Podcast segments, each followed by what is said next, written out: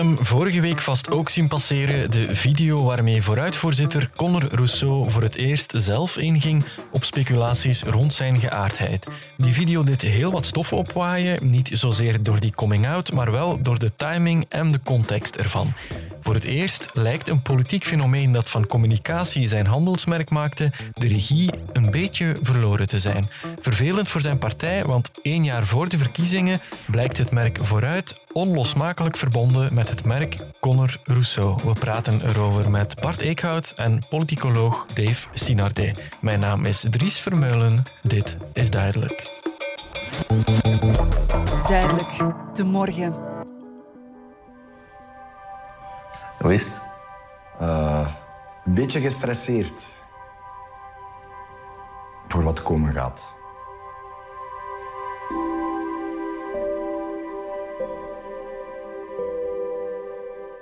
Met een professionele video gemaakt door tv-maker Erik Goens sprak Conor Rousseau vorige week voor het eerst in het openbaar over zijn geaardheid. Dat hij niet alleen op vrouwen valt, vertelde Rousseau, maar ook dat hij er voor zichzelf nog niet goed uit is hoe het precies zit en dat hij nog met vragen worstelt. Ja, ik struggle met mijn geaardheid sowieso. Dus, uh, en op zich is dat... We zijn fucking 2023, geen issue, maar voor mijzelf... Ja, is het iets waar ik het... Uh, waar ik het, het is al beter dan, dan een paar jaar geleden, maar, maar waar ik het uh, echt nog altijd gigantisch lastig mee heb. Wat volgens Rousseau ook niet geholpen heeft bij zijn persoonlijke proces, is dat er al bijna zijn hele politieke carrière lang wordt gespeculeerd over zijn geaardheid. Hij krijgt er vragen over, wordt onder druk gezet om er iets over te zeggen en voelt zich, in zijn woorden, steeds meer opgejaagd wild. Ik snak naar adem en ik hoop dat dit mij op een manier terug wat adem kan geven en wat ruimte of zo mentaal om met andere dingen bezig te zijn dan met dit. Het was een serene, openhartige video met een kwetsbaar verhaal, zoals je dat eigenlijk perfect kan verwachten van een politicus als Conor Rousseau, die van heel persoonlijke communicatie op de sociale media zijn handelsmerk heeft gemaakt. Maar toch was het effect van deze communicatieve zet niet wat Rousseau en vooruit gehoopt hadden, omdat de media de timing niet los konden zien van enkele geruchten die over de partijvoorzitter de ronde deden. Daarover later in deze aflevering meer. Eerst even over dat communicatietalent dat een nog heel jonge Conor Rousseau in een mum van tijd bombardeerde van een complete nobody tot een van de populairste politici van het land.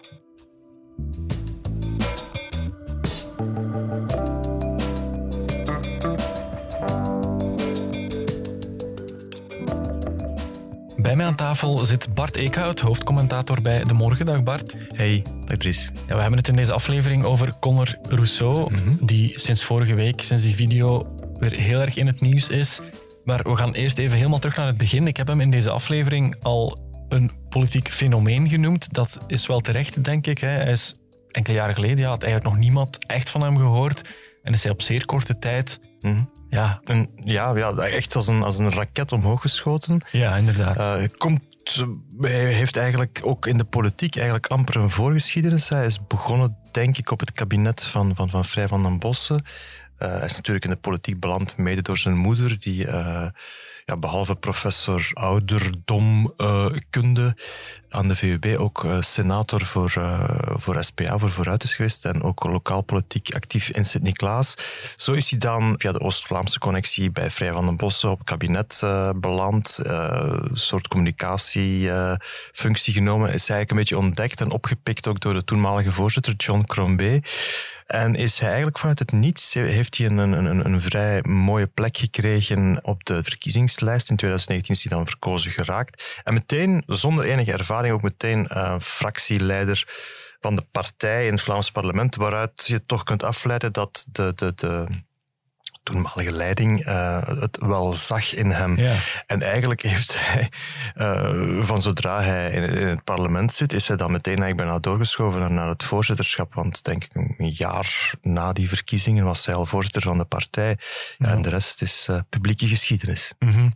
Ja, hij werd voorzitter van die partij op het moment dat het met de toenmalige SPA bepaald niet goed ging. Hè? Nee, slechtste score denk ik uit de naoorlogse geschiedenis voor een Vlaamse socialistische partij. Ik denk dat ze ergens rond de 10%, misschien nog net die 10% konden vasthouden. Dat moeten we toch nog even onder de aandacht brengen. Dat, dat was een periode waarin er eigenlijk bijna wekelijks overlijdensberichten van de toenmalige SPA in de krant stonden. Hè. Ehm, die partij ging structureel achteruit. Het was echt wel een, een, een soort alles of niets poging van oké, we zullen dan deze jonge kerel met Brani uh, dan maar eens uh, een kans geven. Want ja, als we het in ons eigen kringetje gaan zoeken, dat kringetje wordt zo klein. Dat is een, een soort smeltende ijsschots of een brandend platform. Uh, daar gaan we het niet meer vinden. Dus ja, goed, als niks werkt, misschien is dat nog een mogelijkheid. En, en ja, en dan uh, Warempel heeft het, schijnt het nog te werken ook. -hmm. Ja, in het begin, die Brani, daar werd soms een beetje lacherig over gedaan. Hij was die mm -hmm. jonge kerel met de witte sneakers uh, ja. die het allemaal even kwam vertellen en meer op sociale media zat dan, dan met politiek bezig was. Of zo leek het misschien.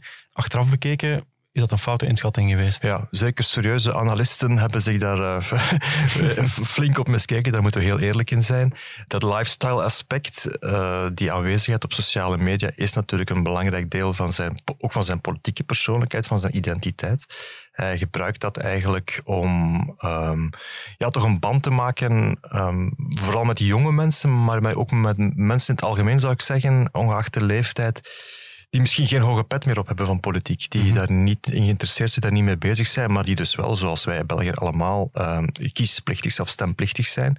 En um, hij probeert hen toch weer in uh, die democratische ruimte binnen te trekken door op een, ja, een, een heel hedendaagse vlotte manier te communiceren over zichzelf en als het uitkomt ook wel over politiek, want zo slim is hij dan wel.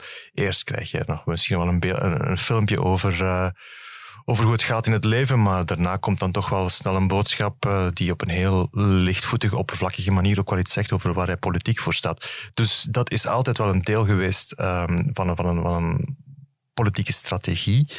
Die, uh, en, en daar kan je voor of daar kan je tegen zijn, maar ze werkt wel. Mm-hmm. Maar daarmee wil ik ook wel meteen aan toevoegen, als je de analyse daar stopt, dat Conor Rousseau alleen maar de Conor hype is, dan miskijk je je opnieuw van bij zijn aantreden als voorzitter heeft hij eigenlijk gepoogd om een vrij heldere, nieuwe linkse lijn voor die partij uit te zetten. Op de klassieke socialistische thema's, de, de, de, de, de economische, sociaal-economische dingen, hè, als het dan gaat over gezondheidszorg, werkloosheid, dan is dat allemaal vrij klassiek. Dan mm-hmm. gaat het echt wel over, echt, dat is echt puur sociaal-democratische. Dus hij, hij probeert echt die core terug heel helder te definiëren. En anderzijds, op meer uh, cultureel-identitaire uh, thema's, gaat hij wat meer afstand houden van het progressieve, van het, wat, wat je zou verwachten van een progressieve partij. Dus hij gaat daar wat meer naar conservatieve hoek, wat dan flinks wordt genoemd. Ja. Hè.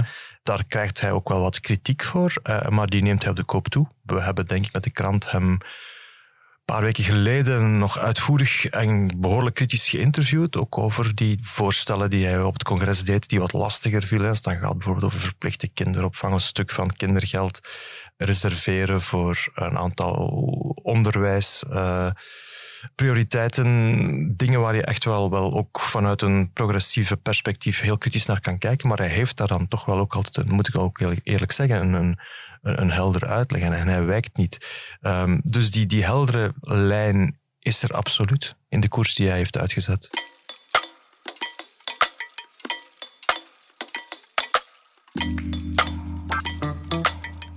Hoe maken we van ons land het beste land ter wereld? Om vol verlangen in op te groeien. Te studeren, verliefd te worden, om in te wonen, om in te werken, om in verzorgd te worden, om in oud te worden. Ja, hoe maken we van ons land het beste land ter wereld om in te leven?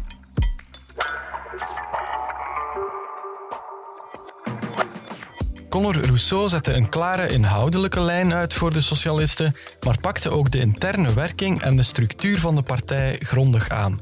Oude vetes werden opgelost, er kwam een sterke eenheid van commando, de macht werd gecentraliseerd, provinciale structuren werden afgebroken. Het voorlopige hoogtepunt van de hervormingen onder Rousseau vond plaats in maart 2021, toen de nieuwe naam van de partij, sorry, beweging, werd voorgesteld met een ambitieuze livestream. Vandaag willen wij de hefboom zijn. Om de nieuwe oplossingen die jij mee aanreikt, vorm te geven. Willen wij iedereen versterken die in beweging is of in beweging wil komen tegen al dat negatieve, destructieve dat niets oplost en alles blijft blokkeren. En willen wij de deur openen om die nieuwe en positieve wind harder te doen waaien. Er werd eerst gezegd dat eh, SPA, de partij, zou vervellen tot vooruit een beweging. Ja, laten we eerlijk zijn, dat is eigenlijk totale bullshit. Hè. Uh, dat blijft natuurlijk een politieke partij. Misschien nog net uh, meer gecentraliseerd rond de voorzitter uh, en zijn team dan vroeger. U herinnert zich misschien die livestream nog van Conor Rousseau met zijn voeten in een virtueel Roosevelt. Dat woord beweging moeten we niet al te serieus nemen, zegt politicoloog Dave Sinarde. Maar dat wil niet zeggen dat het afscheid van SPA en de geboorte van Vooruit geen belangrijke mijlpaal was in de geschiedenis van de Socialistische Partij. De naamsverandering zelf lijkt mij wel geslaagd. Het is duidelijk dat SP, SPA, ja, dat dat uh, toch ook heel wat negatieve connotaties opriep. Vooruit verwijst tegelijkertijd naar de socialistische geschiedenis. Uh, en gezien natuurlijk de, de naam van de coöperatieve in Gent. Maar uh, klinkt tegelijkertijd ook wel uh, ja, veel moderner, veel frisser, veel, veel nieuwer. En wat je natuurlijk altijd bij moet doen bij een ja, dat is niet puur de verpakking veranderen, maar dat moet natuurlijk toch ook wel voor een stuk een, een echte verandering weerspiegelen. En, en ja, die, die, die echte verandering is er toch ook voor een stuk wel. Hè? Alleen al door de, door de figuur van Rousseau, die er ook wel in slaagt om, ja, om toch de, indruk te wekken uh, dat hij met heel die socialistische geschiedenis weinig te maken heeft. Hè? Uh, hij kan heel sterk uh, ja, een aantal zaken die, die mislopen in België bekritiseren, zonder dat uh, mensen zeggen van ja, maar ja, jullie zitten al decennia in alle regeringen. Hij slaagt er wel in om toch de indruk te geven dat hij eigenlijk een nieuwe figuur is die met een nieuw verhaal komt. En die tactiek blijkt voorlopig te werken. Peilingen zijn maar peilingen, maar als we zien dat vooruit daarin telkens opnieuw meer zieltjes wint, kunnen we alleen maar vaststellen dat Rousseau iets goed aan het doen is. In de stemming van VRT en de Standaard waren de socialisten dit voorjaar de enige regeringspartij die er nog op vooruit ging. Allemaal dankzij Rousseau, zou je kunnen denken. En daar schuilt ook meteen het gevaar. Con Rousseau is duidelijk de sterkte van vooruit, maar dat maakt hem tegelijkertijd ook de zwakte. Die stijgende populariteit van vooruit ja, is voor een groot stuk gebaseerd op de populariteit van, van Rousseau. Hè die er ook in geslaagd is om zijn persoonlijke populariteit wel mee over te dragen op die partij. En dat is iets anders dan bijvoorbeeld Alexander de Croo. Open VLD is een, is een zwak merk. De Croo is toch nog altijd wel een sterker merk. Minder sterk misschien dan twee jaar geleden, maar toch. Maar uh, men slaagt er niet in om uh, de sterkte van de Croo over te dragen op, op het zwakke merk Open VLD. Conor Rousseau is er wel in geslaagd om eigenlijk van vooruit ook een beetje zijn eigen merk te maken. Om die link heel duidelijk te maken tussen Rousseau en vooruit. Maar ja, als, uh, als inderdaad die, die populariteit van Rousseau zou beginnen achteruit gaan, dan heeft dat natuurlijk ook repercussies voor vooruit. Dat is redelijk evident. Het is ook niet zo dat er veel andere figuren rondlopen in die partij die op dit moment een heel grote populariteit hebben. Hè. Je hebt wel nog Frank van den Broeke bijvoorbeeld, uh, maar dan houdt het misschien toch al wel een beetje op. Hè. Ik wil niet zeggen dat er geen talentvolle mensen zijn, maar echt mensen met een grote populariteit, ja, die zijn er toch niet meteen. Dus uh, vooruit is inderdaad op dit moment uh, heel sterk afhankelijk van, van Conor Rousseau. En het is heel duidelijk dat ja, de stijgende lijn van de partij in de peilingen voor een groot stuk op, op Rousseau is terug te brengen. Dus ja, als, als het met Rousseau minder gaat gaan qua populariteit, dan is dat natuurlijk ook een groot probleem voor, voor heel de partij.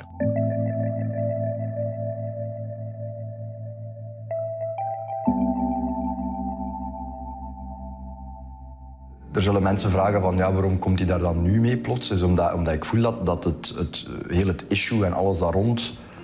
Uh, ik heb een beetje het gevoel, ik ben al claustrofobisch, dat, dat, er, dat, dat ik in een klein lokaal sta waar de muren gewoon elke dag dichter tot op mij komen. Want je hoort ook het gepraat en de roddels en... Maar ja, ik hoor alles en allee, ik weet ook... Ik weet, dat is, dat is het ding, hè. Ik weet hoe dat mensen soms over mij denken zonder dat ze het zeggen. Bart, even naar vorige week dan. Mhm. Die video. We hebben het gehad over het communicatieve talent van Conor Rousseau. Dit was dan misschien een zeldzame misser, want dat heeft anders uitgepakt dan hij wellicht had gehoopt. Hè? Ja, dat is uh, niet goed gegaan. Dat hebben ze bij de partij ondertussen ook zelf toegegeven. Een eerste reden is denk ik, um, moet even ook bij de vormgeving toch blijven stilstaan. Mm -hmm. hè? Mhm. Het was een, voor zo'n boodschap een vrij lange uh, video, denk 14 minuten. En het zag er ook op zijn minst heel erg geregisseerd uit. Met ja, Erik Goens als, als interviewer uh, in beeld. Het, was eigenlijk ook, het is eigenlijk ook deel van iets wat misschien ooit een documentaire moet worden. Wat al meteen een soort uh, dubbelzinnigheid teweeg brengt. Want het is absoluut in deze tijd niet meer abnormaal dat uh, politici eigenlijk rechtstreeks hun publiek aanspreken via nieuwe media, via video. Daar hebben we als journalisten mee leren leven. Dat, mm -hmm. dat, dat hoort erbij. Dus dat is op zich niet zo abnormaal, in tegendeel. Maar hier kreeg je een heel hybride vorm. Iets wat leek op zo'n externe communicatie, maar tegelijkertijd ook de pretentie had om journalistiek te zijn. En dat maakt het heel erg moeilijk om te begrijpen um, ja, waar je nu eigenlijk naar aan het kijken was. Omdat je als publiek, en zeker ook als journalist, nog wel wat met extra vragen zat. En dan kom ik bij het tweede punt, en dat is dan het inhoudelijke punt. Er kan geen enkele twijfel over bestaan dat de reden waarom Conor Rousseau nu met deze boodschap komt, is omdat hij zich opgejaagd voelt, heeft hij ook letterlijk gezegd, mm -hmm. maar niet opgejaagd omwille van de outing van zijn geaardheid. Wij hebben er totaal geen zaken mee. We hebben er ook geen zaken mee of iemand daar zelf problemen mee heeft of niet. Dat behoort tot het privéleven. Mensen hoeven zich daar niet voor te verantwoorden. Hij is eigenlijk opgejaagd door een reeks verhalen, zoals dat dan heet. Hè, mm -hmm. over, uh, en dan gaat het over ongepast gedrag. En um, hij wou daar dus klaarheid over scheppen, maar die klaarheid heeft hij niet geschapen. Hij heeft daar eigenlijk uh, over gezwegen, waardoor hij, uh, en daar zullen we waarschijnlijk ook nog verder op doorgaan, een aantal media, eigenlijk ja, ons, iedereen in, in, in ons vak, voor, voor een heel lastig dilemma heeft geplaatst. Mm -hmm. Waarbij je aan de ene kant moet afwegen hoe zit het met onze plicht ten aanzien van onze lezers, luisteraars, kijkers, om een, op een zo transparant mogelijke manier een zo volledig mogelijk verhaal te vertellen. En anderzijds toch ook wel het vermoeden van onschuld, niet onbelangrijk, en recht op privacy. En dan heb je gezien dat een aantal media, waaronder ook De Morgen, maar eigenlijk grosso modo bijna alle klassieke media, van de VRT tot, uh, tot, tot ons, ja, zich toch verplicht hebben gezien, gedwongen hebben gevoeld om die bredere context uh, uit te leggen, om te vertellen waarom die video er nu is gekomen. Mm -hmm. Ja, die verhalen waren op redacties al langer bekend. Mm -hmm. uh, er waren op het moment dat de video verscheen twee onderzoeken. Eén daarvan was al geseponeerd, het andere mm -hmm. liep nog. Er waren geen juridische klachten, laat staan bewezen feiten. Tot dan toe vonden alle redacties blijkbaar dat reden genoeg om voorlopig niks te schrijven over die geruchten. Je zou kunnen zeggen, en die kritiek horen we ook wel, die video heeft daar niks aan veranderd. Waarom dan nu dan plots wel die dingen naar buiten brengen? Mm -hmm. Ja, ik begrijp die kritiek, hè, maar um, ik heb al proberen het dilemma te schetsen waar wij voor stonden. Mm -hmm. En ik ben er zeker van dat als media, als De Morgen, hè, we zullen voor onze eigen deur vegen, als De Morgen had beslist om die context weg te laten, dat wij dan terecht de kritiek van, de, misschien van dezelfde mensen zouden gekregen hebben, dat wij meegaan, um, kritiekloos meegaan in een PR-operatie van een politicus.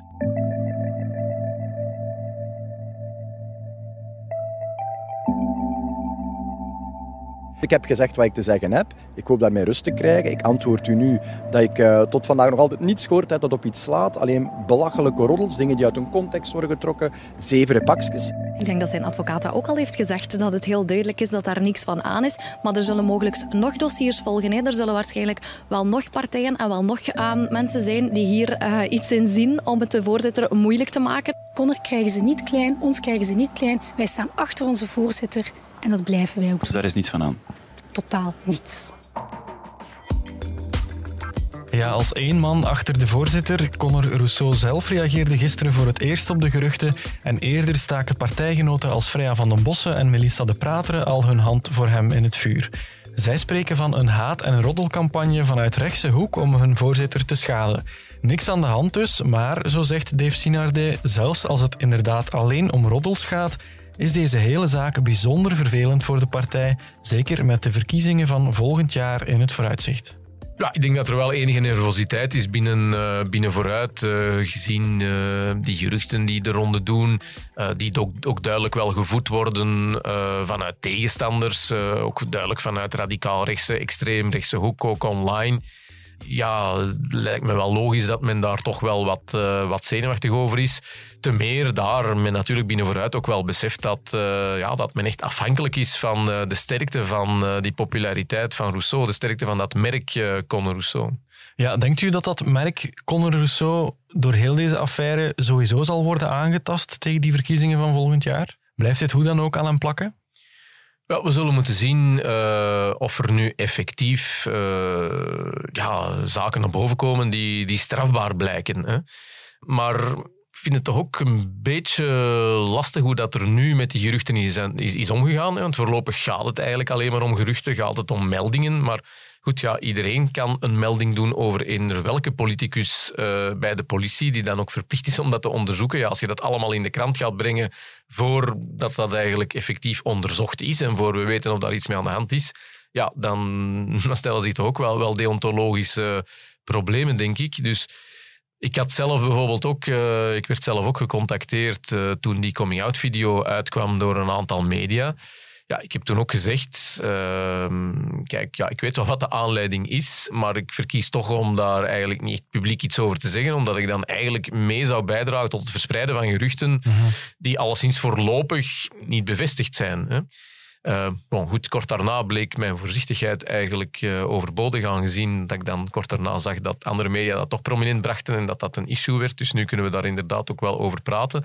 Maar je kan je toch afvragen of er geen deontologische grenzen zijn overschreden. aan de ene kant is het belangrijk om die context mee te geven, omdat die video natuurlijk voor een stuk ook op dat moment naar buiten is gekomen vanwege die context. Maar aan de andere kant, ja, het is toch ook ergens een slippery slope als je geruchten, meldingen, als je daar eh, van alles over gaat brengen, zonder dat dat echt, uh, echt geverifieerd is. Uh, ja, als dat een, het nieuwe normaal wordt, dan, uh, dan weet ik niet of dat het publieke debat en het politieke debat daar, daar, daar echt mee gebaat is.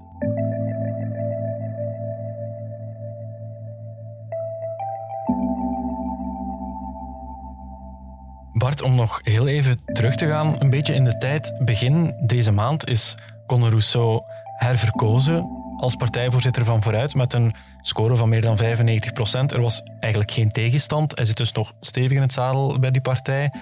Meteen na die herverkiezing maakte hij bekend dat hij een beetje gas zou terugnemen, even wat uit de spotlight zou verdwijnen. Mhm. Had dat iets te maken met dit verhaal? Ongetwijfeld wel. Um, ik denk wel dat, dat, dat het uh, breder is dan dat. Hij, heeft er in de, had er inderdaad wel um, een aantal tropenweken op zitten, waarin hij eigenlijk van de ene interview naar het andere tv-show uh, werd gesleurd, overal om die boodschap uh, te... Hij was zeer beschikbaar voor, voor, media en ook voor zijn eigen partij. Want, ik bedoel, interviews geven is één ding, maar je moet dan ook nog eens uh, s'avonds al die partijvergaderingen uitzitten en, en mensen overtuigen, ook intern, om die, die vernieuwing te kunnen doorvoeren. Uh, dus dat zal wel uh, nogal wat energie vreten, denk ik. En bovendien ja, zat er natuurlijk die verdachtmakingen die uh, al lang voor deftige media er een woord over schreven, die, die al lang op, op sociale media aan het circuleren waren. Ja, dat vreet wel aan een mens. Dat mhm. denk ik wel. Maar het is inderdaad wel opmerkelijk dat, dat je dat expliciet aankondigt. Ik denk dat hij net zo goed uh, gewoon even een, een, laag profiel had kunnen aanhouden ja. uh, en, en, interviews weigeren en, en tv-uitnodigingen TV weigeren. Dan had er geen haan naar gekraaid, denk ik. Enfin, naar dat aspect, los van uh, wat er dan met die video is gebeurd. Mm -hmm. Ja, als partijgenoten als Vrij van den Bossen dan zeggen, dit is een haatcampagne van op rechts, acht je dat realistisch? Kunnen dit echt moedwillige verzinsels zijn om hem zwart te maken? Laat me eerst al zeggen dat um, die, die verklaring van Vrij van den Bossen een um, sterk argument was voor redacties om die hele context te geven, omdat de partij daar eigenlijk toegeeft dat die hele context belangrijk is geweest. Hè? Want ze hebben zeggen zelf van, kijk, er is een haatcampagne bezig. Ja goed, als dat een van de redenen is voor de coming out, dan, dan, dan moet je dat ook kunnen duiden in de krant, vind ik. Um, dat een aantal concurrenten met, met heel veel afgunst zitten te kijken naar het fenomeen Conor Rousseau. Dat is absoluut zo. Dat de wedstrijd een slangenkuil is waarin uh, gedacht wordt dat elke tegenslag voor een concurrent winst is voor jezelf. Dat is ook zo. Ik denk niet dat ik de kroon ontbloot als ik zeg dat er heel veel politici uit heel veel partijen het uh, nuttig vonden om uh, de krant in te zijn van je weet toch wat er aan de hand is met hm. Conor Rousseau. Dat, zat niet per se allemaal, dat waren niet per se allemaal mensen van extreem rechts, dat waren niet per se allemaal anonieme trollen. Um, dus ik denk dat, het, dat die campagne dat die er wel is. Het lastige is dat er wel degelijk meldingen zijn geweest. Ja. Dus je kan niet zeggen dat het, uh, uh, dat het puur fake nieuws is. Het is geen Pizzagate zoals in uh, de Verenigde Staten, waarin op basis van totaal krankzinnige assumpties complottheorieën over politici zijn bij elkaar geknutseld. En dus vind ik ook wel dat de kritiek van media spelen in de kaart of, of van, van extreem rechts iets te makkelijk is. Ik vind dat als de onschuld staande blijft, en daar gaan we nu toch vanuit, dan hebben misschien media voor hetzelfde geld uh, Conor Rousseau en alleszins de waarheid wel een dienst bewezen door uh, zonder veel sensatie in objectieve woorden uit te leggen wat de waarde is van die verhalen die mhm. rond die belangrijke politieke figuur spelen. Tot slot, gesteld dat het allemaal inderdaad niets was, dat het roddels waren of in elk geval geen strafbare feiten, mhm. Bestaat dan de mogelijkheid dat Rousseau met zijn communicatietalent dit nog in zijn voordeel weet om te buigen en zeggen van kijk, men heeft me proberen zwart te maken en het is niet gelukt en het op die manier eigenlijk nog allemaal heel goed uitdraait voor hem. Mm Maar ik denk dat ehm, uh, laten we ervan uitgaan dat, dat, de hypothese die jij nu opstelt, hè, dat, dat dat klopt, hè, dat, dat, dat, je, dat, dat er uh, niks van komt, om zo te zeggen. Dat lijkt me de, een, een, absoluut een heel reële piste dan denk ik dat dit wel, wel wegwaait. Dan, mm -hmm. uh, er zal een lastig moment komen als hij terug een rentree en hij zal ooit wel eens nog eens opnieuw in, in, in de media moeten verschijnen. En dan zal hij een aantal vragen uh, moeten beantwoorden. Daar gaat hij niet aan ontsnappen, denk ik. Maar dat zal dan wel lukken en dan, uh, ja, dan, dan kan hij wel weer voort. Dat is volgens mij geen enkel probleem. Bart Eekhout, dankjewel voor je tijd. Met plezier. Ik bedank ook professor Dave Sinarde en u, beste luisteraar, bedank ik natuurlijk ook weer om erbij te zijn. Volgende week zijn we er opnieuw op donderdag met een nieuwe aflevering. In de tussentijd kunt u ons altijd bereiken via podcasts.demorgen.be. Heel graag tot volgende week. Dit was duidelijk.